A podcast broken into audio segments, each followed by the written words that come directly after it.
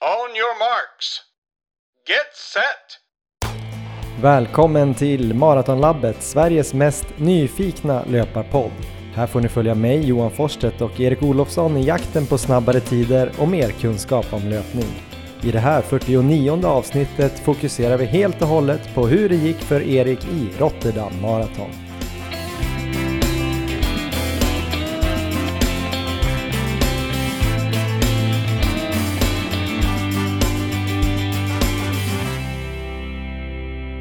Ja, Erik Olofsson, eh, vi behöver inte säga god morgon eller hur är det i Uppsala för du sitter här mitt emot mig. Eh, hur är det Erik? Det är fantastiskt bra. Vi har haft en otroligt härlig vecka här. Det här poddavsnittet blir lite speciellt för att eh, dels så sitter vi öga mot öga för första gången tror jag i poddens historia och pratar.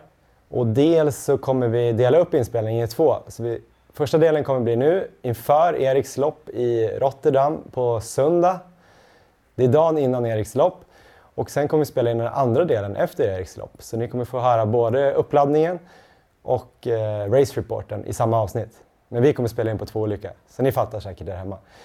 Först och främst Erik, varför vi är med varandra och spelar in ihop är ju för att vi har varit nere på Fuerteventura, på Playitas Resort, Apollos träningsresort eh, eh, och spelat in lite TV med Sverige Springer. Hur har veckan varit tycker du?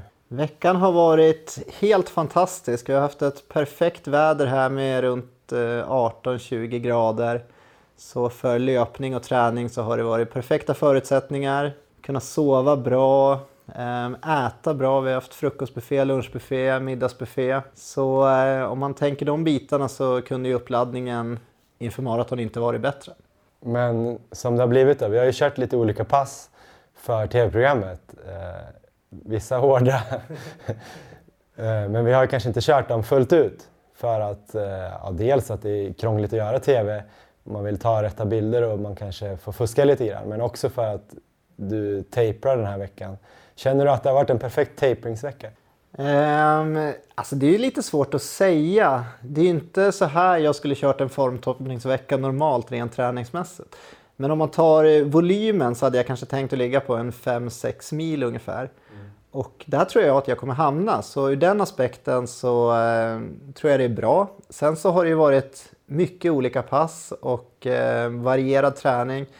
Och mycket i farter som jag absolut inte normalt skulle kört. Vi har kört korta intervaller, långa intervaller, lite backe. Vi hade ju med en swimrun här som ju, ja den vart ju lite all out bara för att vi skulle överleva ut till den här bojen ute i vattnet och tillbaka. Så att eh, vi har ju legat, eller jag har ju legat i farter som jag normalt inte skulle hålla. Men sen så samtidigt så har jag haft lite problem veckorna inför här så att jag kommer ju hit kanske inte lika nedtränad som man normalt skulle vara just eh, inför formtoppningen då. Så att, alltså det är ju ett eh, ganska intressant test egentligen att se hur kroppen reagerar på just, eh, just en sån här formtoppning. Det kanske kan bli succé också. Men eh, definitivt så är jag lite orolig att jag kanske är lite för sliten efter den här veckan för att få en, eh, en, ett perfekt lopp imorgon. Men det känns ändå bra att du inte är helt säker på formen. För det känns ju som att du, då är du där du ska vara. Du brukar ja. inte riktigt vara så här jättesjälvsäker inför loppen, även om du försöker intala dig själv. Ja, men känslan under veckan har ju ändå varit bra när vi varit ute och kört lite så här lugn distans nere vid vattnet till exempel på den här eh, lilla strandpromenaden så har det, det har känts alltså som man studsar fram verkligen. Så, att, eh, så jag har ju känt mig i riktigt bra slag så att har inte liksom de här eh, hårdare farterna vi har varit uppe i under veckan på något sätt sabbat det så tror jag att det, det finns eh, goda förutsättningar imorgon. Ja, det ska bli spännande. Jag tror nog att det var styrkan på stranden med kettlebells och backträningen som kanske skulle kunna ställa till det mest. Annars tror jag att det andra vi har gjort har vi kanske inte gjort så långt. Så du har nog inte kommit upp i så hög puls. Så det är mer som att du har fått en jävla massa strides och fartökningar. Ja, precis. Och det ser kanske inte som att det behöver vara något jätteproblem. Jag tror inte du har bränt ut eh, allt kräm och du har inte varit uppe och jobbat så mycket över tröskel skulle jag tippa. Nej, det är sant. Och eh, styrka med kettlebells körde vi i tisdags tror jag det var och backintervaller då i onsdags. Och då har vi såklart inte kört liksom ett, eh, ett helt normalt hårt pass utan det har ju varit ett eh, betydligt mindre mängd. Men jag hade definitivt träningsverk av det. Så det kändes rejält onsdag och torsdag. Men eh, nu idag så känns det bättre, träningsverken är borta och eh, ja, jag tycker kroppen känns bra. Härligt. Men om vi övergår till det då. Imorgon alltså, Rotterdam Marathon. Ditt stora mål för våren får man väl ändå säga. Absolut. Du har spänt bågen, du ska under 2.48. Du ska springa alltså i någonstans 3.58 fart. Vad, eh, vad blir sista förberedelserna? Nu är det alltså bara ett dygn kvar till loppet. Ja, precis. Ehm, ja, det sista som kommer hända nu är att vi kommer ju käka lunch här på resorten och sen så kommer jag bege mig till flygplatsen. Ehm, jag kommer sätta på mig kompressionsstrumpor som jag kommer flyga med. Och sen så flyger jag ehm, halv fem från Fuerteventura och landar klockan tio i Amsterdam. Tar eh, nattåg till Rotterdam och kommer dit kanske vid midnatt. Och sen så är det bara att sova och eh, hoppas man får några timmars sömn och sen är det upp och hämta nummerlapp eh, och göra sig klar för start. Så det, ju, det, kommer ju gå i ett men det är ju ganska det känns ganska skönt att det liksom kommer hända saker hela tiden nu fram till loppet. Så att det är först nu egentligen idag kanske som jag, vi har haft så mycket att göra här i veckan så att det är just idag kanske som jag börjar bli lite nervös och verkligen eh, börjar fokusera helt framåt loppet. Mm. Och sen då imorgon, vad blir rutinen då? Blir det fortsatt, eh, fortsatt det här med UCAN som eh, nutrition? Eh, ja, det stämmer. Jag körde det inför Frankfurt, det fungerade jättebra då. Eh, skillnaden som jag tror kommer bli nu här i Rotterdam mot Frankfurt är att i Frankfurt så sprang jag ändå runt aerob tröskel ganska stor del av loppet. Så att det var ju ändå inte så att jag brände kolhydrater under en längre period av det loppet. Ehm, så då fungerade Yukan utmärkt. Det är lite oklart nu då, för att i det här loppet, alltså jag går ju för ett pers på över åtta minuter. Så att det är ju ett riktigt tufft mål jag har imorgon. Ehm, och jag räknar med att få jobba i betydligt högre puls än till exempel Frankfurt. Så att jag kommer ju säkert börja bränna kolhydrater mycket tidigare i det här loppet. Jag hoppas att eh, det ska fungera lika bra som det gjorde i Frankfurt. Så jag kommer köra på UCAN just för att slippa ta massa gels och eh, få magproblem. Så eh, ja, det ska bli spännande. Jag, jag kör på det och hoppas det fungerar där också. Och för eventuella nytillkomna lyssnare så kan man väl eh, kortfattat säga att UCAN är en eh, en kolhydratblandning som eh, går ut lite långsamt i blodet eh, som man kan ta innan. En ganska stor mängd eh, kolhydrat innan och sen så sipprar det ut i kroppen successivt genom loppet och man ska bara behöva ta någon liten extra shot på slutet kanske, är ja. tanken. Istället ja. för att ta gel kanske var, var 20-30 minut som många andra gör också. Ja, precis. I Frankfurt så tog jag bara en banan tror jag vid 35 kilometer. I Rotterdam kommer de inte dela ut någon frukt så att jag kommer ju, om jag behöver, kanske vara tvungen att ta en gel eller liknande på slutet. Har du någon annan så här, plan kring kost? Vad äter du till exempel till frukost? Um, och hur långt innan? Ja, jag kommer ju käka, min sista stora måltid blir lunchen här idag, lördag. Och sen så kommer jag käka lite mellanmål under flygresan och kanske på kvällen då. Um, uppe och ta lite frukost klockan sju. Loppet startar klockan tio. Så det är väl eh, det upplägget jag har. Vad blir det då, då? Vad brukar du käka innan, på morgonen innan?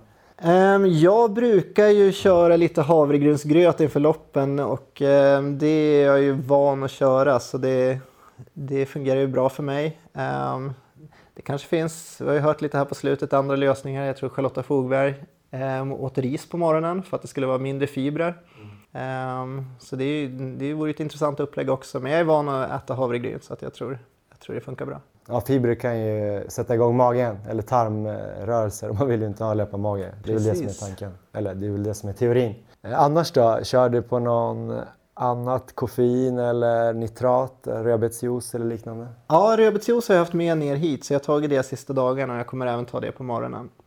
Och eh, kanske ta ett koffeinpiller eller två Ja, det blir nog bara ett tror jag, innan start också. Och sen då, taktiken. Har du någon eh, specifik taktik eller bara lägga sig direkt på önskad tid och se hur länge det håller?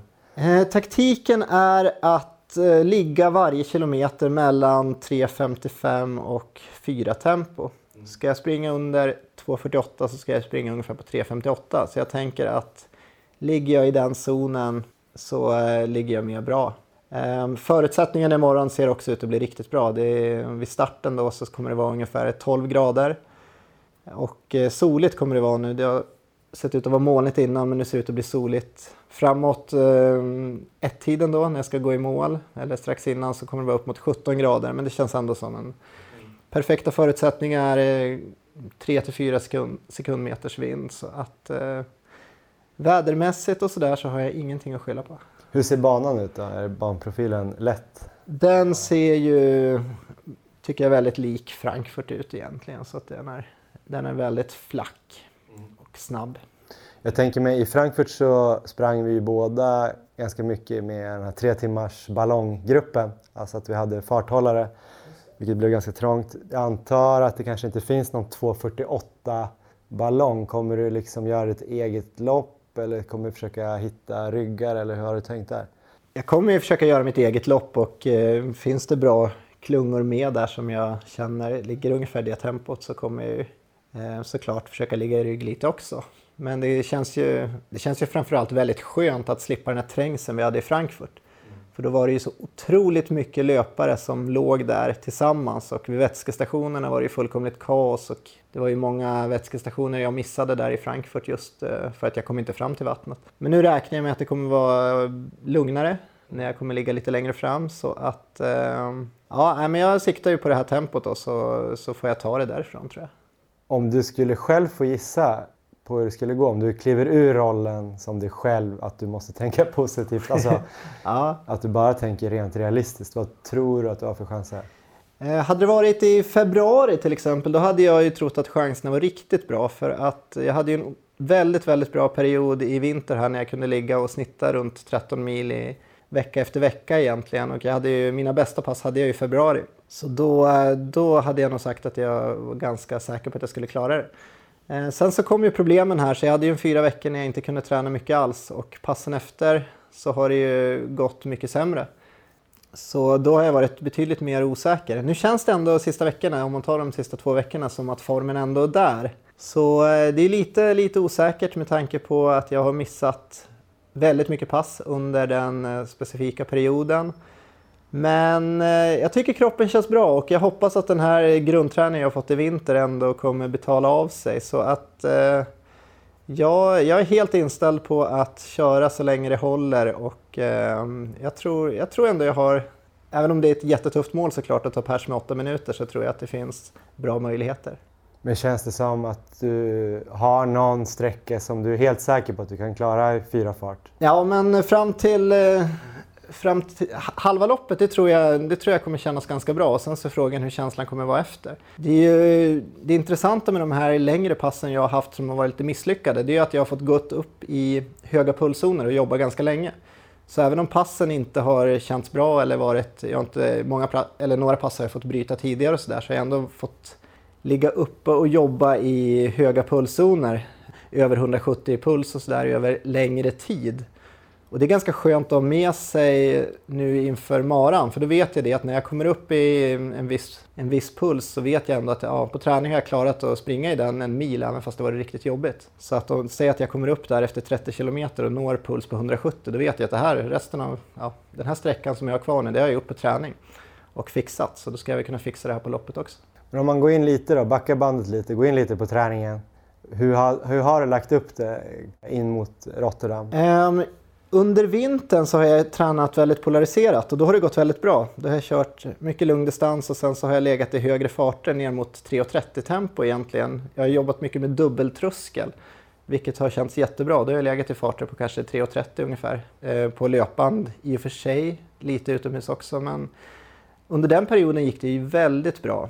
Sen så in mot den specifika perioden de sista åtta veckorna innan maran så har jag försökt komma upp mer i marafart och det som har hänt då är att jag har fått tillbaka lite av mina vadproblem bland annat. Så jag har inte riktigt fixat den träningen. Så det är väl det som har varit problemen då. Det är det jag kommer ta med mig senare i, höst om jag ska springa, när jag ska springa kanske nästa mara. Ehm, att då får jag försöka tänka lite på om jag verkligen ska träna så mycket marafart eller om jag ska lägga upp det lite mer kanske polariserat den här gången för att få kroppen att hålla. Och sen så, det jag har gjort också på slutet är att jag har börjat variera underlaget mycket mer än vad jag gjorde. Så nu lägger jag nästan alla distanspass i, på mjukare underlag. Eh, I terräng, skog, längs elljusspår och så vidare. Men skillnaden då har alltså varit att eh, du kunde köra 3.30 fart när det var upp mot eh, 7-8 kilometer två gånger om dagen. Men när du har börjat köra 20-25 kilometer i då 3.55 fart så har det blivit för tufft för vaderna. Ja, precis så. Och det kan också ha att göra med att jag under den perioden kom ut och sprang mer utomhus också så att det blev mer asfalt. Just det. Bandet är väl kanske lite mer eh, mjukt. Ja, det känns mjukare att springa på det så det, det är nog en kombination tror jag. Men om man blickar tillbaks på den här perioden, om du får ta fram, eh, vi kan börja med att ta fram något eller några pass när du har känt att du har blivit riktigt orolig. För att sen prata om bra pass närmare in mot loppet så kan du glömma det. ja, men jag, körde, jag provade bland annat där Ekvalls monsterpass som du och jag körde förra året inför Frankfurt. Just det, vi kan ta kortfattat var det väl 15 kilometer, lite lugnare fart. Eh, och sen var det liksom eh, lite tröskel, lite fartlek, marafart och, och tröskel i princip, blandat med lite kort. Men 38 kilometer totalt. Ja, precis. Så där, det här, då gick ju jag, bara som ett lite roligt test, så la jag mig faktiskt då för 2.40 tempo på maran på det. Så att det, jag ville bara prova liksom hur kroppen skulle svara på det. Och, eh, så då, då sprang jag lugn, lugnt distanstempo, bara 15 kilometer och sen så var det eh, en slags fartlek då mellan 15 och 20. Eh, och efter 20 kilometer då så skulle jag upp i, i marafart och med det här testet som jag körde då så var det ju 3.48 tempo. Det höll ungefär i 3 kilometer. Sen så var jag uppe i väldigt hög puls, fick gå ner i, ja, i mitt nu tänkta marafartstempo då, som var 4 minuter, vilket jag lyckades hålla ändå fram till 30 kilometer. Men eh, då var jag helt, helt slutkörd så att de sista eh, åtta kilometerna av passet. Eh, jag fick bryta där efter tre mil och ta bussen hem helt enkelt. Så det var ju ett, på ett sätt var det ett misslyckat pass men samtidigt så kan jag ändå ta med mig att jag gjorde, genomförde de där 10 kilometerna med väldigt hög puls. Och eh, ja, jag vet att jag kan ligga där. Men det var ju också ett eh, väldigt hårt pass som du dessutom körde hårdare än vad du tänk, eller egentligen kanske skulle ha gjort. Ja. Har du haft något annat pass där som du borde ha klarat som plötsligt inte funkade och hur tänkte du då? Um, ja, men mitt sista långpass var ju, var ju 20 kilometer i ganska lugnt tempo. Sen skulle jag tänk, tänkte jag köra 15 kilometer i marafart då och då pratar vi om 4 minuter per kilometer. Um, det passet fick jag också ge mig efter 32 och eh, då, eh, ja, då kände jag mig också ganska slutkörd. Så det var också, jag fixade inte riktigt det planerade passet. Så, eh, och det var inte så länge sedan jag körde det, alltså det var ett par veckor sedan. Så det ja, efter det var jag definitivt lite orolig. Jag hade hoppats att kunna liksom fixa det passet. Men om man vänder på det då. När du sitter på flyget till eh, Amsterdam idag, senare ikväll. Vilka pass kommer du tänka på för att stärka dig mentalt? Eh, men framförallt så är det väl eh, i februari, de passen jag hade där, då körde jag ändå 5 gånger 5 kilometer i i marafart då, eller till och med snabbare. Jag tror jag hade något pass när jag låg i 3.52 i snitt på 5 gånger 5 kilometer utan att vara speciellt högt uppe i puls. Så att det var ju eh, med inte speciellt hög ansträngning. Så att de passen talar ju ändå för att det ska finnas goda möjligheter. Jag hade också mitt, eh, när jag körde 10 kilometer väldigt hårt på träning och sprang på 35.20 det är ju ett pass som också, där fick jag i och för sig problem efteråt, men det själva passet kändes också jättebra. Förra året i Frankfurt så hade du lite känning i vaderna någonstans i mitten, men sen vi, det släppte lite och sen vid 35 så tryckte du på lite. Kommer du ha någon liknande taktik imorgon? Att du får, eh, om du kommer över en viss eh, distans i tänkt fart och känner dig lite pigg, Får du trycka på eller ska du försöka safea 2.48 lite som kanske jag safeade 3 i fjol? Ja, jag säger att jag har en riktigt fantastisk dag när allt känns väldigt lätt. Då kan jag väl säga att skulle jag komma till eh, 32 kilometer ungefär så jag har en mil kvar och pulsen fortfarande är väldigt kontrollerad och kroppen känns bra, då kommer jag nog börja dra på. Men fram till dess så kommer jag definitivt ligga på min planerade 3.55 till 4 fart. Men känner du på något annat sätt inför det här loppet än till exempel för Frankfurt? För då hade vi ju pratat mycket om sub 3 och det är en så, så liksom tydlig gräns eh, på något sätt. Och vi hade pratat om det i 43 avsnitt, eller 42 avsnitt var det väl, innan loppet. Eh, det blev en ganska stor grej, i alla fall för mig. Känner du annorlunda nu att du bara har något att vinna och Ja, verkligen. Eh, det känns som att det är väldigt stor skillnad för då handlar det bara om att komma under, under tre timmar. I det här loppet så känner jag att okej, okay, jag siktar på under 2.48 men eh, jag känner att jag har betydligt större möjligheter att gambla om jag skulle vilja det. Jag skulle kunna dra på. Eh, kan definitivt eh, hända att jag kommer gå in i väggen om jag går lite för hårt och eh, också det kommer inte kännas som ett, eh, säg att jag skulle springa på 2.49 så skulle det inte kännas som ett misslyckande utan jag skulle fortfarande vara väldigt nöjd. Då. Hade vi sprungit på 3.01 i Frankfurt så hade det varit total fiasko nästan hade det känts som. Så att det finns ett betydligt större spann här vad det kan, vad det kan sluta på och eh, eh jag kommer nog kunna tillåta mig att vara nöjd med andra tider också men det är klart, jag siktar på att gå under 2.48. En sista grej här då. Vi har ju träffat lite sköna människor här under veckan. Eh, dels Sara Edsberger som jag har tränat med hela veckan. Eh, vad har du tyckt om henne och kan du få någon kraft från hennes inställning? Ja, alltså framförallt så har jag ju skrattat så otroligt mycket under den här veckan. Hon är ju fantastiskt rolig på alla sätt så att det har ju, varit, det har ju bara varit eh, helt galet roligt hela den här veckan. Um, och uh, men jätteinspirerande. Hon uh, sprang ju under 1.20 här dagen innan vi åkte iväg i Holland också. Och är en otroligt duktig löpare. Så att det var ju jättekul att få träna med henne här under veckan. Och, Jäkligt snabb känns det som. Ja. Riktigt fast twitch-känsla. Verkligen. Um, väldigt snabbt steg här när vi körde korta intervaller på bana igår. Och en grym tävlingsskalle verkar hon ha. vill hela tiden komma först. Ja, det var på pika med hela tiden. Det var det bra konkurrens under veckan. Däremot är lite sämre simmare måste man ju säga. Ja, um, om, vi kanske inte ska avslöja hur det gick i våran swimrun men uh, men vi kan i alla fall säga att man ska kolla på Sverige springer i vår och eh, vi får se vilket avsnitt det blir men antagligen avsnitt fem där vi kommer ha en swimrun-tävling. Ja, och... eh, det kommer vara någon gång i maj skulle jag tro. Så det är ett bra tips att kolla jag på. Vilja, jag skulle vilja säga att om man ska se bara ett avsnitt så ska man nog försöka pricka in det avsnittet där vi har våran swimrun för att ja. Det, ja, det ska bli intressant. Igår också så fick ju du, jag hade ordnat en liten överraskning till dig. Just det. Eh, och eh, då fick du ju träffa Rune Larsson. Kanske kommer en liten eh, kort intervju senare i vår i podden med honom. Men hur var det för dig att få träffa Rune? Du pratade mycket om honom där i, ja, för ett år sedan ungefär. Ja, men för, alla, eller för de som inte har läst Rune Larssons bok Löparglädje så kan jag rekommendera igen att läsa den eller att lyssna på den på ljudbok på era långpass. Väldigt givande bok för, eh, för alla nivåer egentligen. Så att det är allt från motionär till elit. Och han har ju varit en eh, fantastisk löpare på allt från lite kortare, eller kortare maraton då, som har sprungit på 2.18 upp till eh, 24 timmars lopp och korsat Amerika. Så det, nej, men det var eh, inspirerande på alla sätt. Vi sprang ju där ett litet, ett litet pass ute i öknen så vi fick ju chansen att springa bredvid Rune och ställa mycket frågor där och han bjuder verkligen på sig själv och eh, drar anekdoter och träningsråd och så vidare. Så eh, ja, men eh, en fantastisk överraskning Johan. Jag, jag uppskattar den verkligen. Ja, men Som fick, du någon, såg. fick du någon kraft från mötet? Eller du såg och för sig rätt trött ut efteråt. Det ja. var nästan som att det blev för mycket eh, input från Rune så att du själv bara blev som en våt trasa efteråt. Ja, det kanske var så.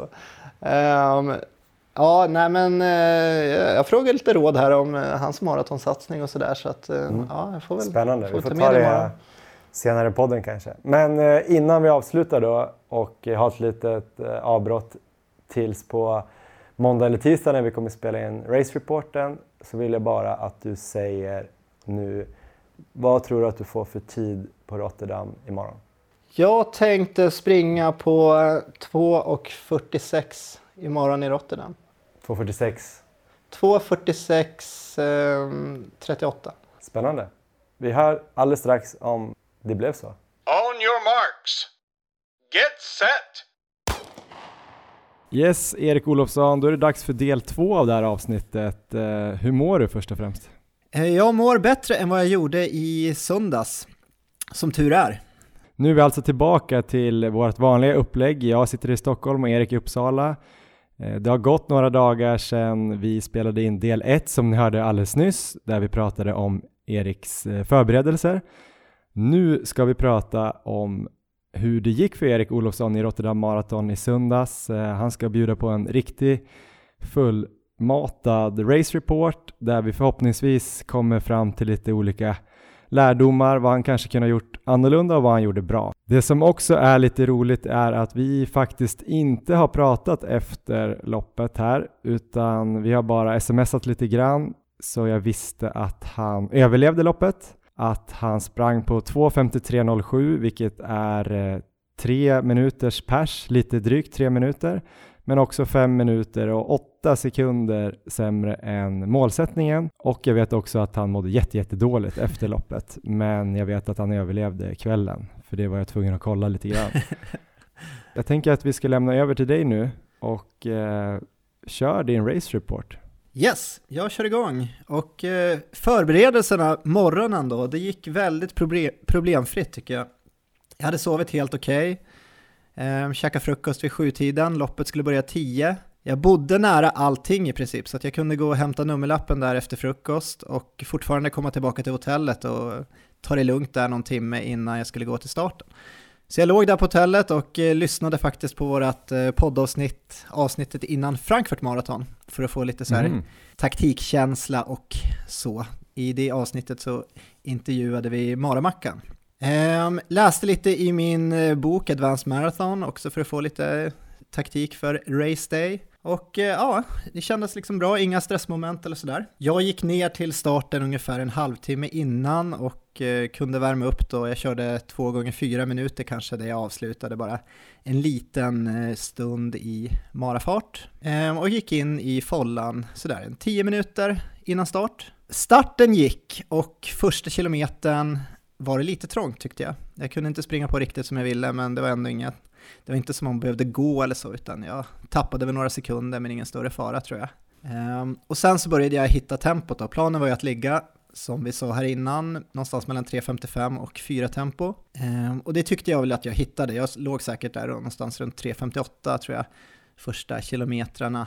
Eh, sen så efter ungefär fyra kilometer så kom en eh, ganska sjuk grej egentligen som blev ganska viktig för hela det här loppet. Och vi fick ju faktiskt en lyssnarfråga här såg jag på våran Instagram eh, som handlade om, det var så att jag rycktes med i början och hamnade i ett tempo som var lite snabbare än jag hade tänkt eller om det var planerat. Och eh, en jättebra fråga. Och i det här fallet så en väldigt viktig fråga också för att det som hände då efter fyra kilometer var att jag hamnade lite av ett in, ingenmansland kan man säga. Jag hade ungefär kanske en eh, 30 meter fram till en stor klunga och sen så var det bara jag som låg där och när jag sneglade lite bakåt så var det säkert lika långt bak till nästa gäng också. Så jag låg lite helt själv och eh, det var inte speciellt mycket vind den här dagen, men just då när vi sprang lite så här över en bro så kändes det som att det blåste och jag tänkte bara där, ja, ska jag ligga här och eh, ligga här i motvinden själv eller vad ska jag göra? Och till saken hör också att jag hade ju lyssnat på våra taktiksnack inför Frankfurt där Maramackan bland annat pratade om sin eh, bästa mara när han sprang, eh, sprang på 2.40 i Frankfurt. Och då var han ganska nöjd med att han hade vågat springa ganska aggressivt där så att han hade liksom vågat pusha fram och ta rygg på folk som hade legat lite längre fram då, just för att kunna få den här draghjälpen. Ehm, ett jättebra tips, men framförallt kanske i slutet av ett maraton eller den senare delen. Men det som hände här var att jag hade ju med mig det här i bakhuvudet, att jag skulle våga springa lite aggressivt den här dagen. Jag ville liksom inte bli för passiv, för det kanske jag hade känt att jag blev lite i Frankfurt. Så att där då, jättedumt, det jag borde gjort egentligen är ju bara att eh, lega kvar i mitt tempo som jag höll. Jag borde liksom inte varken pushat framåt eller sänkt tempot, utan jag kunde bara lägga kvar där, för det var ju folk som kom ikapp senare såklart, som hade startat lite längre bak. Men istället så bestämmer jag där att äh, men nu, ska jag, nu ska jag försöka springa lite aggressivt ändå och eh, börja pusha framåt mot den här klungan som ligger 30 meter framför. Eh, så det gjorde jag då och eh, då var det ju en liten tempoökning, inte så mycket, men istället för att kanske hamna i 3.58 då som hade varit optimalt så hamnade jag sen i vad som visade sig vara ungefär 3.54 tempo. Ja, du gjorde första femman på 19.29, så det var väl exakt 3.54 i princip. Precis. Och efter ett tag kommer jag då fram till den här klungan där och kan springa där hittar lite ryggar, börjar leta ryggar och jag hittar någon, eh, någon kille där som jag tycker springer jämnt och eh, bra, kollar mycket på klockan och sådär. Så att jag börjar följa honom och ta hans rygg och jag låg ganska länge i hans rygg där. Och det känns bra alltså, jag har en jättebra känsla i kroppen och sådär så det är inga konstigheter så utan vi kommer ju upp till milen då till slut och då har jag ju sprungit där i 3.54 snitt fram dit. En tanke som jag hade innan loppet var ju att ha väldigt bra koll på min puls. För jag har ju haft, eh, jag har ju haft problem inför det här loppet som jag nämnde och eh, jag har ju haft några sådana här långpass där jag har kommit upp väldigt högt i puls. Och jag vet ju ungefär känslan då. Och det, det, min tanke var ju att på några av de här värsta långpassen jag haft så har jag kommit upp i puls över 170. Då har jag ändå kunnat klara runt kanske en, sådär en 12 kilometer med puls över 170. Ehm, så jag visste att kan jag hålla pulsen under 170 kanske fram till 30 kilometer då har jag ändå en god möjlighet att liksom kunna pusha hela vägen in i mål och hålla hela vägen. Bara för att sticka in en fråga där då, ja. så att eh, det blir tydligt. 170 säger ju egentligen ingenting generellt till folk, men vad är din eh, mjölksyratröskel och den anaeroba tröskeln så kan man ju just nu ungefär? Den ligger väl ungefär på 177 och eh, maxpuls på 184. 6-7 slag under tröskel i alla fall vill du ligga? Ja, jag vill ju verkligen inte komma upp över 170 innan 30 km egentligen.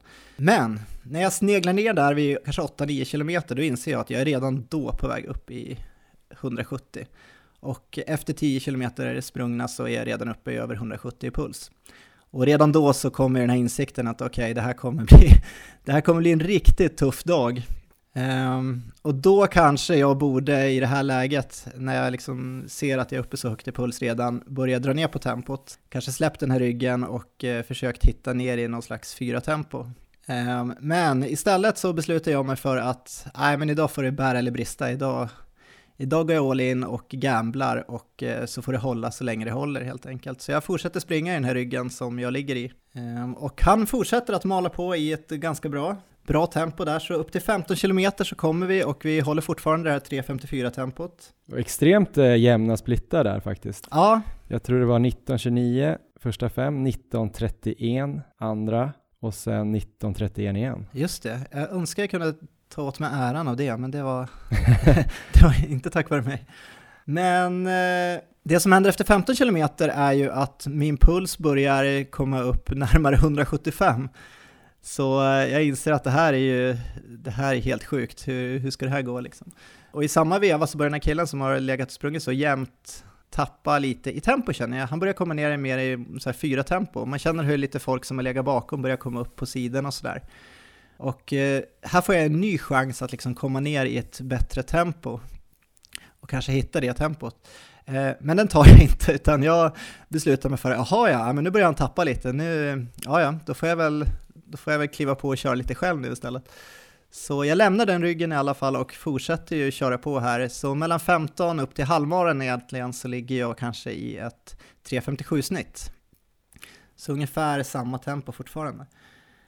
Um, benen känns ändå ganska bra. Jag känner mig liksom stark och sådär så att det är, ja, jag känner att jag kan springa med bra teknik och eh, det känns bra med de bitarna. Det är bara att pulsen är liksom så hög.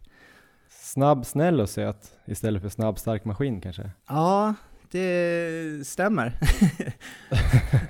men, eh, men i alla fall upp till halvmaran på 1.22.35 så att eh, där ligger jag ju väldigt bra till om man tänker eh, på min slutliga måltid då, som var 2.48. Jag har ju redan en ganska bra marginal, men jag vet ju samtidigt att det här kan ju sluta hur som helst. Ja, grattis till pers förresten på halvmaran. Tack så mycket. Maratonlabbrekord, räknas det eller? 1.22.35 på första halvan här. Jag vet inte om man får räkna när man springer en mara. Har du koll på det? Nej, jag vet inte. Jag antar att man inte får räkna det. Ja. Så... Äh... Nej, men då var det ju nästan... Äh, ja, då kom jag ihåg att jag kollade ju, följde det här loppet från äh, Fuerteventura och då såg jag att sjukt starkt, nu har han fått spader, nu går han för 2.45 istället tänkte jag. Men du såg ju väldigt eh, harmonisk och, och pigg ut hela veckan där, så jag tänkte att ja, det har väl det i kroppen då. Ja, det såg bra ut, men eh, det såg inte så bra ut för mig själv, utan jag, jag låg ju i puls där på 175 och eh, det var en ganska läskig känsla ska jag säga, för att det är ju eh, någonstans vet man ju vad som kommer komma. Det, det finns ju inte en, liksom någon rimlighet att det ska hålla hela vägen. Men om vi tar från halvmaran och framåt då, så mellan 20-25 km tappar jag lite mer i tempo, så att då hamnar jag i fyra tempo istället, vilket ju fortfarande är helt okej. Okay. Mellan 25 och 30, då börjar jag tappa ännu lite mer. Det sker, lite, det sker liksom automatiskt att jag, jag kan inte riktigt hålla uppe tempot, även om benen känns bra, även om jag kan hålla tekniken, så blir det liksom automatiskt att jag tappar lite i tempo hela tiden. Bara för att kunna fortsätta. Ehm, och känslan i kroppen är verkligen, det, det börjar liksom bli värre och värre. Det känns, varenda liten backe känns som att den är eh, jättebrant. Men vad är det som känns jobbigt då om det inte är benen och Alltså du känner inte att du känner det lätt men att det ändå inte gick? Alltså det är ansträngningen, det är just när man ligger med puls så hög så länge så mm. eh, det känns som att jag, om jag bara, om jag håller i tempot så kommer jag komma upp i maxpuls i princip. Så att eh, man vill ju ändå ha lite marginal där. Och eh, vid 30 km då har jag fortfarande en minut till godo på måltiden. Då ska så. vi kanske bara säga där att 25 till 30 då började det ju se lite sämre ut eh, i splitten, ja. eller splittarna. Då låg det 4.07 fart, så då kommer jag också ihåg att eh, ja, men nu har han tappat lite. Förhoppningsvis är det någon motvind eller någon slak mota och någon så här vätskestrul eller någonting. För att det var inte så markant så att man kände att du verkligen hade gått in i väggen, även om det pekade lite åt fel håll där. Ja, precis. Um, men uh, även om jag har en minut till godo där så inser jag ju där att det här kommer aldrig hålla. Det finns ingen rimlig möjlighet att jag kommer uh, fixa det här nu. Så uh, där, där vid ungefär tre mil så inser jag att jag kommer aldrig springa 2.48. Där släppte du drömmen? Ja, absolut. Så då var det bara, okej okay, nu har jag 12 kilometer kvar och nu måste jag liksom göra det bästa av det här. Hur påverkade det dig då att släppa det här strävan efter att nå målet? Var det liksom skönt att lägga om en ny strategi eller var det liksom att du tappade allt då? Eh, det var ganska intressant för att eh, förra året så pratade vi lite om att man ska inte ha någon plan B. För att det är lätt för en att eh, kanske ge upp plan A då, att man liksom ger sig lite tidigt och sådär. Jag är nog beredd att omvärdera det ganska mycket.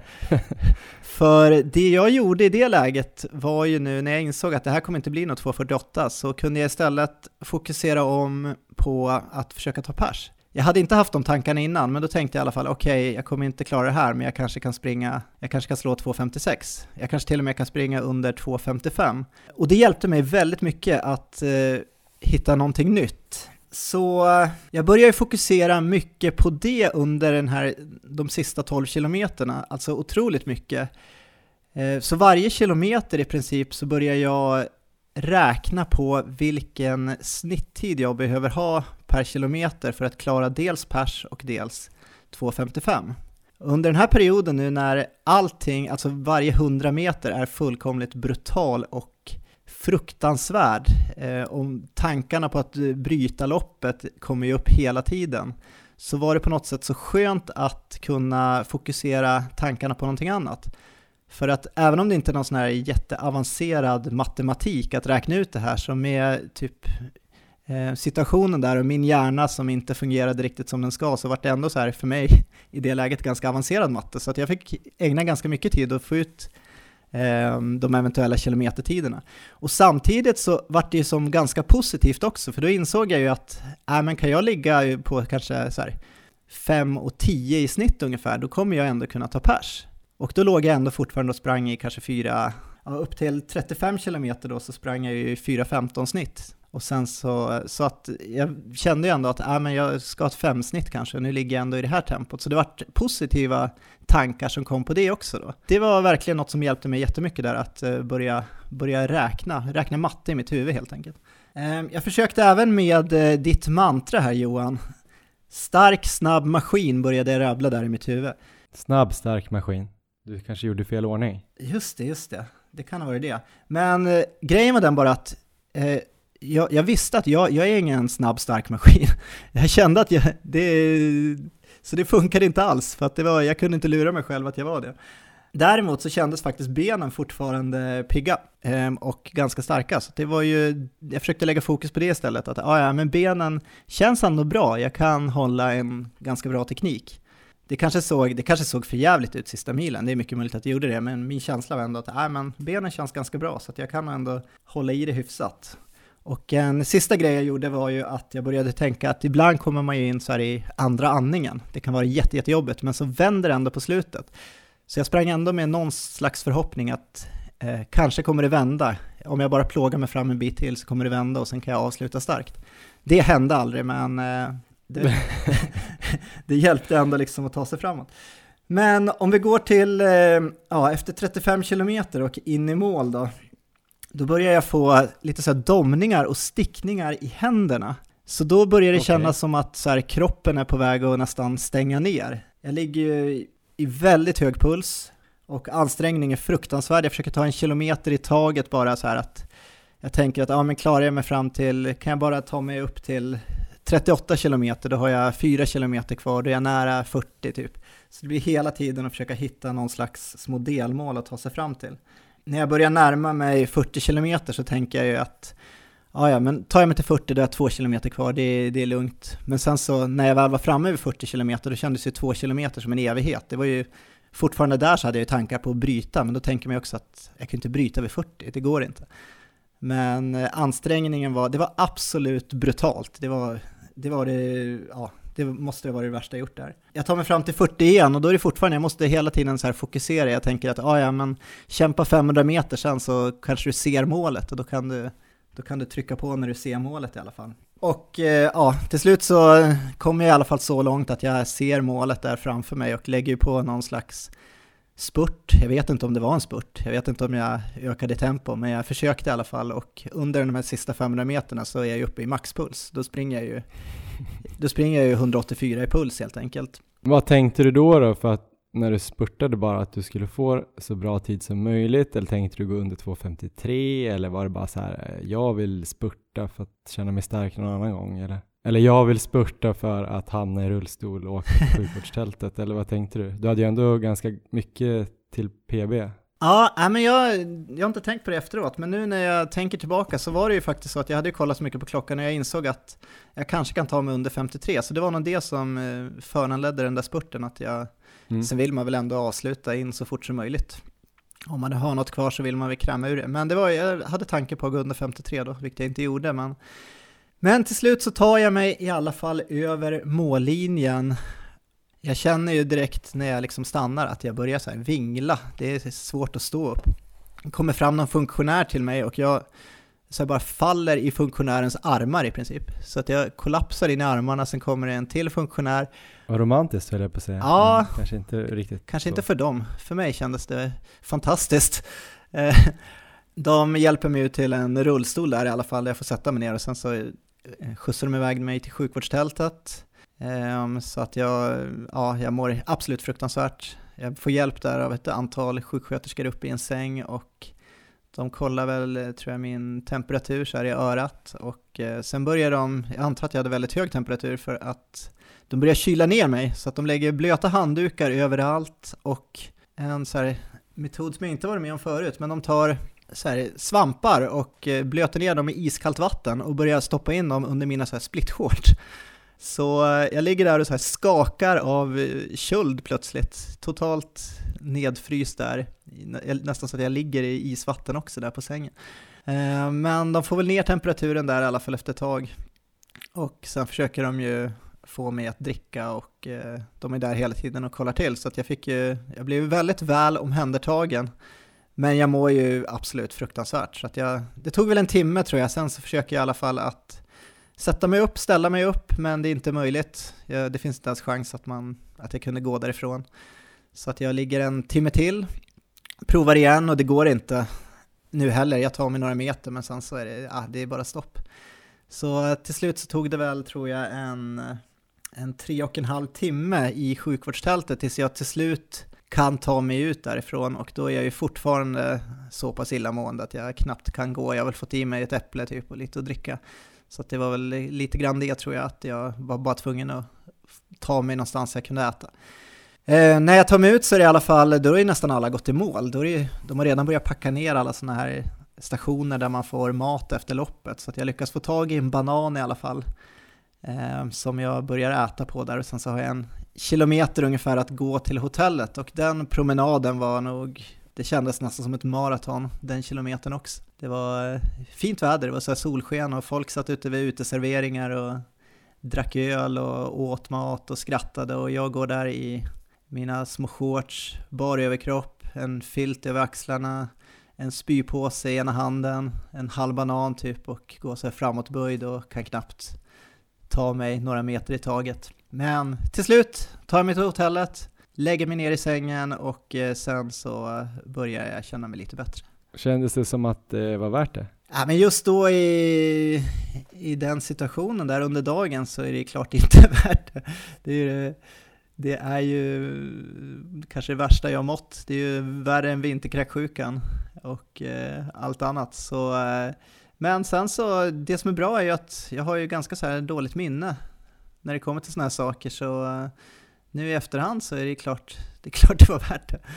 Men kan du jämföra den känslan med något ändå, hur du mådde? Liksom, var det att du var illamående eller var det höga febern eller var det bara total orkeslöshet eller allting på samma gång? Ja, det är nog allting på samma gång. Man kan inte, jag har ingenting att jämföra med känner jag, utan det är ja, illamåendet är ju fruktansvärt såklart. Man vill ju bara spy och sådär utan att det riktigt kommer någonting. Men sen så är det bara, man är så, det är ju kramp också, man får sådana här krampattacker i alla muskler och Nej, jag har ingenting att jämföra med, utan det är en väldigt unik känsla att gå in i väggen så hårt. Men eh, när skulle du säga att du börjar känna dig hyfsat bra igen då? Du kom ut där sent på kvällen och åt någon middag? Ja, ja men då kände jag mig lite när jag fick duscha och kunde ligga där på hotellet, ta det lugnt, så började jag komma tillbaka och sen så var jag ute och käkade vid sjutiden, kanske sen på kvällen och då efter det så började det kännas bra igen. Så att det är väldigt viktigt bara att få i sig näring och mat efter en sån där urladdning. Men eh, om vi säger så här då, om vi ska ta ut några lärdomar, kunde du ha gjort någonting annorlunda inför loppet eller under loppet och var närmare 2.48 den dagen eller hade du bara inte dagen? Eh, nej, men om vi tar det då med, eh, med den formen som jag var i den här dagen så det är klart att jag jag är ju en taktisk miss i början av loppet när jag börjar gå framåt och pusha och söka ryggar där. Hade jag legat kvar i kanske 3.58 eller 4 tempo så skulle jag ju sprungit ett mycket jämnare lopp. Det här loppet blev väl, jag tror jag hade splittarna 1.22 och 1.30 eller ja, något sånt. Och det är klart, kan jag springa ett jämnare lopp då så kommer jag göra en bättre tid. Sen kanske jag inte hade nått 2.48, det tror jag väl inte att jag hade dagen för, men eh, jag tror det kan göra stor skillnad de här fem sekunderna bara per kilometer där i början. Så definitivt är det ju en taktisk miss. Ehm. Men är du besviken då att du inte kunde hålla i? Du skrev någonstans att du ändå var positiv till att du gjorde en aggressiv öppning och ett bra försök, en bra första halva och sådär. Men kan mm. du också känna att, ja, jag sa ju att jag skulle göra 3.58, varför låg jag 3.54? Ja, direkt efter loppet så var jag ganska besviken. Jag tänkte att jag, nu har jag sabbat det här loppet och eh, var onödigt gjort ungefär. Men jag känner nästan att eh, jag är ganska nöjd att ha med mina erfarenheter nu, att jag ändå vågade, vågade pusha för det. Och våga satsa, speciellt med den situationen som vi lite är i. Vi har ju ändå, eh, om vi pratar målsättningar så eh, det är ju viktigt, eller en sån här viktig sak med målsättning, att man delar sin målsättning. Ehm, just för motivation och så vidare. Och i vårt fall så är det ju ganska extremt med maratonlabbet och hur vi delar målsättningen och eh, det var ändå många som följde loppet. Så att ändå våga då gå på och göra en sån här satsning känner jag ändå att jag, jag är nöjd med, även om det inte höll den här dagen. Så nej men jag känner mig, ja, jag känner ändå att jag, jag tycker det, det tar jag något som något positivt som jag ändå kan ta med mig att jag vågade gå för det. Så kommer jag definitivt försöka lägga upp loppet mer taktiskt kanske nästa gång. Var det något annat under loppet då förutom den här ivrigheten då som du hade i början när du gick med i rygg och lite för snabbt? Var det något mer i loppet som du kunde ha gjort annorlunda? Ja men eh, en väldigt intressant sak är väl energiplanen. För nu satte jag ju ändå UCAN någonstans på det ultimata testet här. Att komma upp i den här pulsen efter 10 km och sen så springa med en puls på 175 eller högre. I alla fall halva, halva sträckan. Ja men precis, för här kunde du inte ligga och, och få energi av bara fett eh, under den aeroba tröskeln eller fatmax utan nu var det verkligen bränna ut kolhydrater. Ja, verkligen. Ehm, så det var ju det ultimata testet och i slutändan så jag tappar ju tempo, jag går ju in i väggen. Sen så jag tycker ändå jag håller i det ganska okej. Okay. Jag tycker inte det liksom är någon fullkomlig kollaps tidsmässigt även om jag tappar på slutet. Men det är klart, det håller ju inte hela vägen, det gör det inte. Så att på det sättet så eh, funkade det ju inte. Samtidigt så följer det väl inte riktigt ehm, de, eh, det man ska göra. Man ska också ta in någon slags energi sista biten, för det skulle hålla ungefär två timmar, så jag hade behövt ta någonting vid 35, men saken var den att jag hade inte med någonting, jag hade inte med någon gel eller något sådant och de delade heller inte ut någonting under loppet, så att jag kunde inte ta någonting, jag kunde ta lite sportdryck, men det kunde jag bara inte få i mig, det fanns inte. Så mm. eh, jag följde väl inte planen man ska göra helt heller, så att det är ju, på ett sätt är det misslyckat med Yukan i det här loppet, samtidigt så jag kanske inte följde riktigt då, de riktlinjerna. Nej men det är svårt att säga vad som är vad eh, också ja. i, i din lilla väggning här. För att jag menar, att springa på någonstans 96-97% av tröskel ganska tidigt i loppet och sen försöka hålla det skulle ju nog, även om du hade haft gel, kanske du ändå hade gått in i väggen så att säga. Ja, det, det är var, svårt att säga. Alla är ju inte Kipchoge. Precis. Eh, nej, men saker som gick fel annars så tänker jag ju i förberedelserna, det är klart att alltså, eh, det viktigaste tror jag när jag analyserat nu loppet efterhand är ju att någonstans så har jag väl insett att jag var nog inte i form den här dagen riktigt. Och eh, det är ju intressant när man som vi gör eh, loggar våran träning. Vi lägger ju in alla våra pass på Strava. Ehm, och jag brukar ju på mina, framförallt mina kvalitetspass, skriva ut mycket eh, känsla jag har under passet, eh, splittider per kilometer eller intervaller och eh, puls och så vidare. Så jag känner att jag har ju väldigt bra koll på ansträngning och sådär. Jag har också börjat föra in borgskala, det är ju bara senaste månaden, men det tror jag också kommer hjälpa mycket.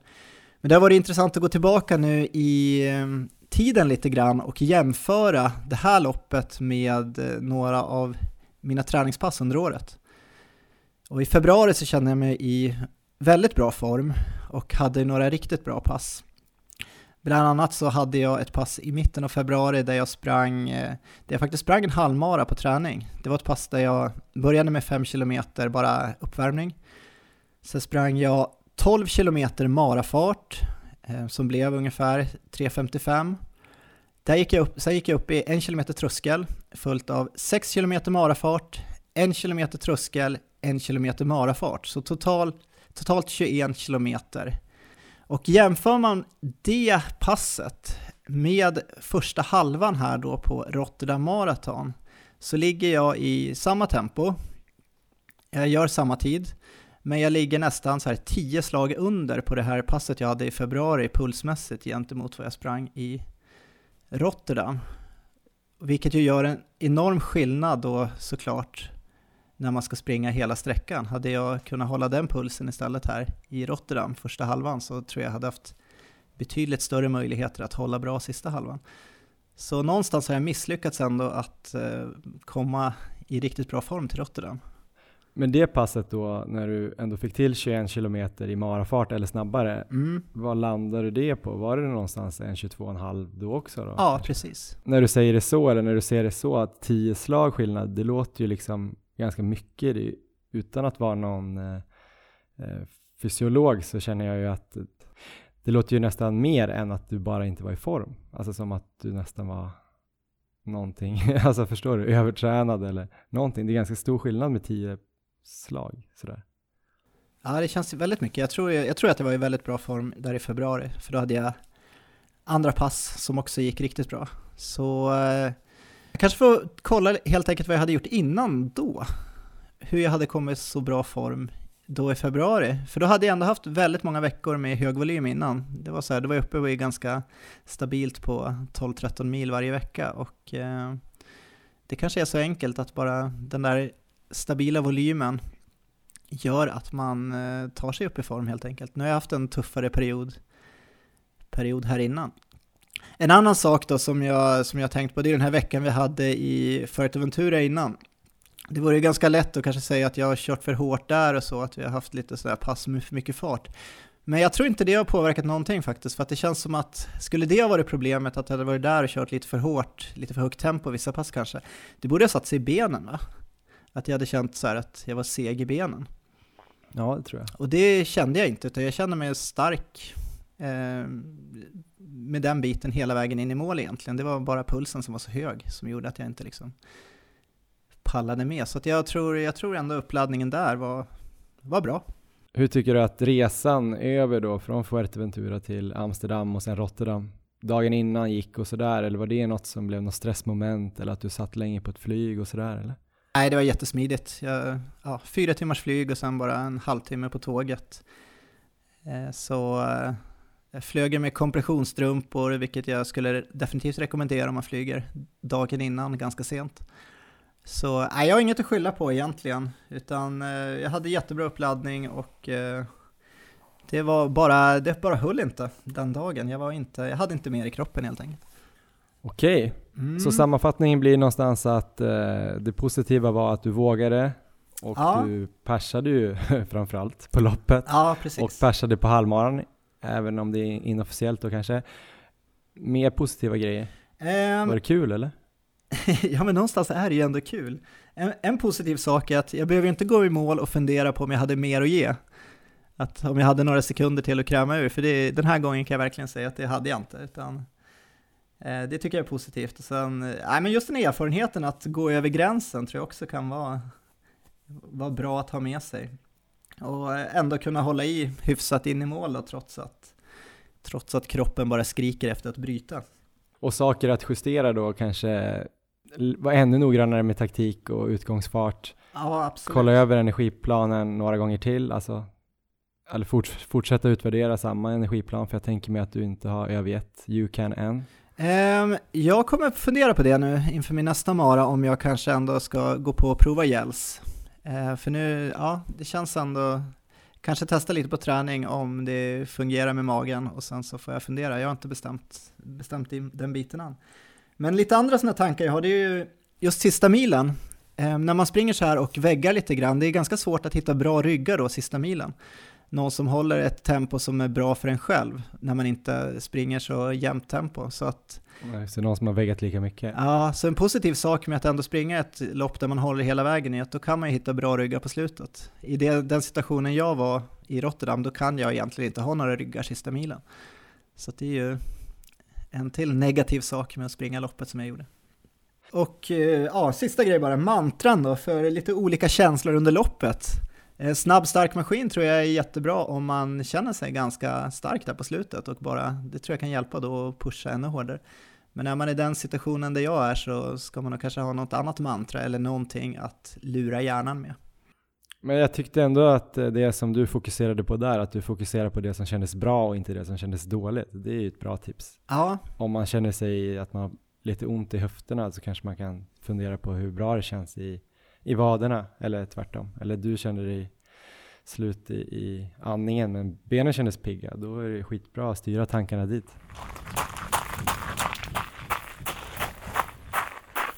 Men eh, hur tänker du nu då? Hur går du vidare från det här? Um, ja, först ska jag ju ta en lugn vecka här så att jag funderar väl på att kanske ge mig ut och jogga här om någon dag och känna lite. Benen känns ändå, alltså det var ju en total urladdning, men benen känns ändå ganska bra tycker jag efter loppet. Så frågan är hur mycket jag har tagit ut, men man skulle kunna tänka sig efter sån här mara att man behöver otroligt mycket återhämtning och det är klart jag behöver mycket återhämtning, men eh, det kanske hade varit ännu värre om jag hade gått i mål med totalt så här cementben. Jag känner nästan att jag skulle vilja vila en vecka bara efter att ha hört. Så utmattande tyckte jag att det var. Ja, men det är klart, jag, jag ska definitivt ta det lugnt här i två veckor i alla fall och bara träna väldigt lätt. Men sen så har jag väl redan börjat se framåt och är väl, jag kommer troligtvis ta ett beslut som inte är så smart för mitt nästa lopp, men eh, Vad lutar det åt då? just nu så lutar det åt att jag kommer springa ett lopp som jag kanske inte borde springa, men jag vill väldigt gärna springa det. Mm. Och det är ju Stockholm Marathon om åtta veckor. Ja, jag vill springa det dels då för att det är ett väldigt roligt lopp som jag har misslyckats med varenda gång jag sprungit det.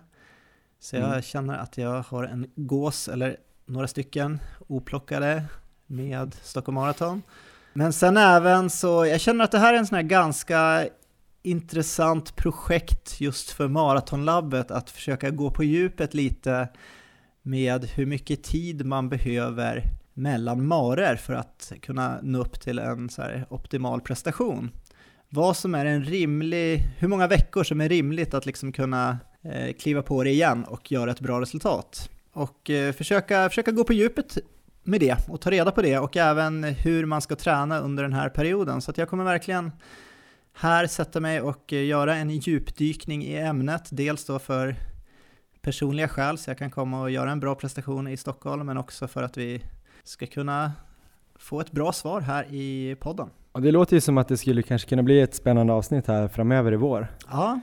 Lite om hur många marer kanske man kan springa på ett år. Det vanliga är väl kanske att man springer två eller tre. Ja. Men det finns ju Kawauchi som springer, jag vet inte hur många han springer, 10-15. Ja.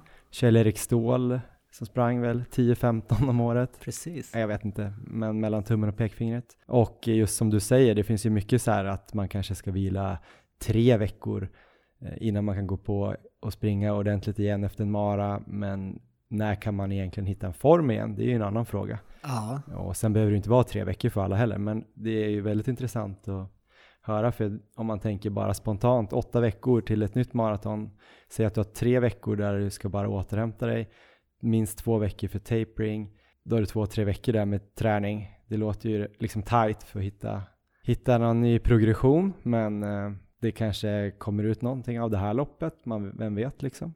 Det kanske hjälper dig att få en ny formtopp. Ja, verkligen. Men det ska bli kul att uh, få höra vad du kommer tillbaks med när du har suttit på kammaren och studerat. Vi kanske kan se om vi hittar någon, någon bra intervjugäst också.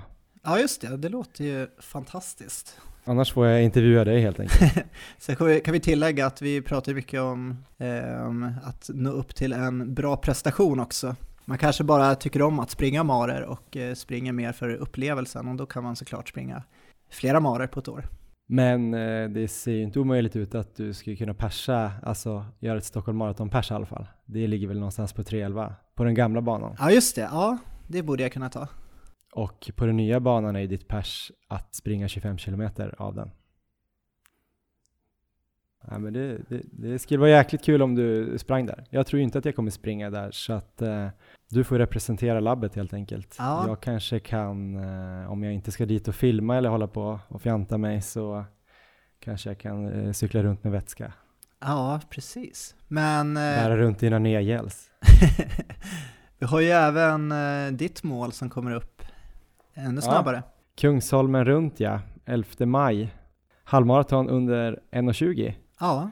Um, ja, jag måste börja få till lite riktigt bra pass här så tror jag att det ska kunna gå. Hur är känslan just idag? Just idag var den inte jättebra. Jag har varit lite trött här sedan Fuerteventura. Vårt plan var ju sex timmar försenat. Så vi kom hem mitt i natten här, eh, häromdagen. Så jag har haft lite konstiga nätter och lite dåligt med sömn. Men eh, jag joggade till jobbet idag och joggade hem från jobbet igår Ehm, det har känts sådär, men eh, det var väldigt kul och taggande med Fuerteventura. Jag fick ju ändå ihop eh, sju och en halv mil eller någonting på något konstigt sätt mellan alla filmningar och allt vad det var. Ja. Så eh, det, jag hade ett, ett sista pass där i måndags ute i öknen som kändes riktigt inspirerande och kul i alla fall. Så äh, men jag är taggad. Jag måste bara få till några riktigt bra kvalitetspass som är halvmaraton specifika lite längre halvmara-intervaller, kanske någon längre tröskel, kanske någon längre sjok av halvmarafart, kanske något långpass med eh, fartökning på slutet och sådär. Så jag ska sätta mig och verkligen noggrant pricka in några pass som jag verkligen vill få till innan. Just det. Och se till att få det. Då tror jag att det finns en möjlighet. Jag känner mig snabb i alla fall. Ja. Och stark. Jag vet inte om jag är maskinen. Ja, men du kändes snabb och stark där nere. Och det var ju en mm. fantastiskt inspirerande vecka.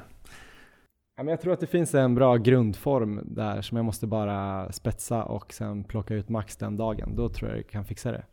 Jag hoppas väl också kunna kanske vara på plats då om jag är återhämtad och springa 10 km.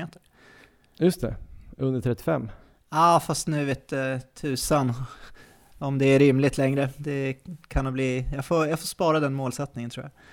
Du joggade en mil här på 39 i söndags ju. Första milen i Rotterdam. Just det. Ja, så det ska jag slå.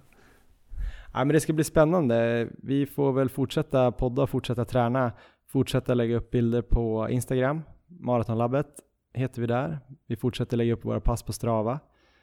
Mm, Erik Olofsson heter ju du där och Johan Forstedt heter jag. Eh, sen kanske vi ska börja lägga upp våra mm, träningsprogram här också lite grann, lite oftare. Ja. Eh, det kan jag behöva, om inte annat är det schysst att lägga upp där så att jag själv ser till att göra det. Och så får jag hoppas att du återhämtar dig hyfsat snabbt här, för jag har tänkt att anlita dig som hare på något, eh, något eh, halvmarafartspass här i april, i slutet av april kanske. Ja, låter bra. Deal? Deal, absolut. Ja, vi hörs. Ha det bra Erik. Tack så mycket. Hej då.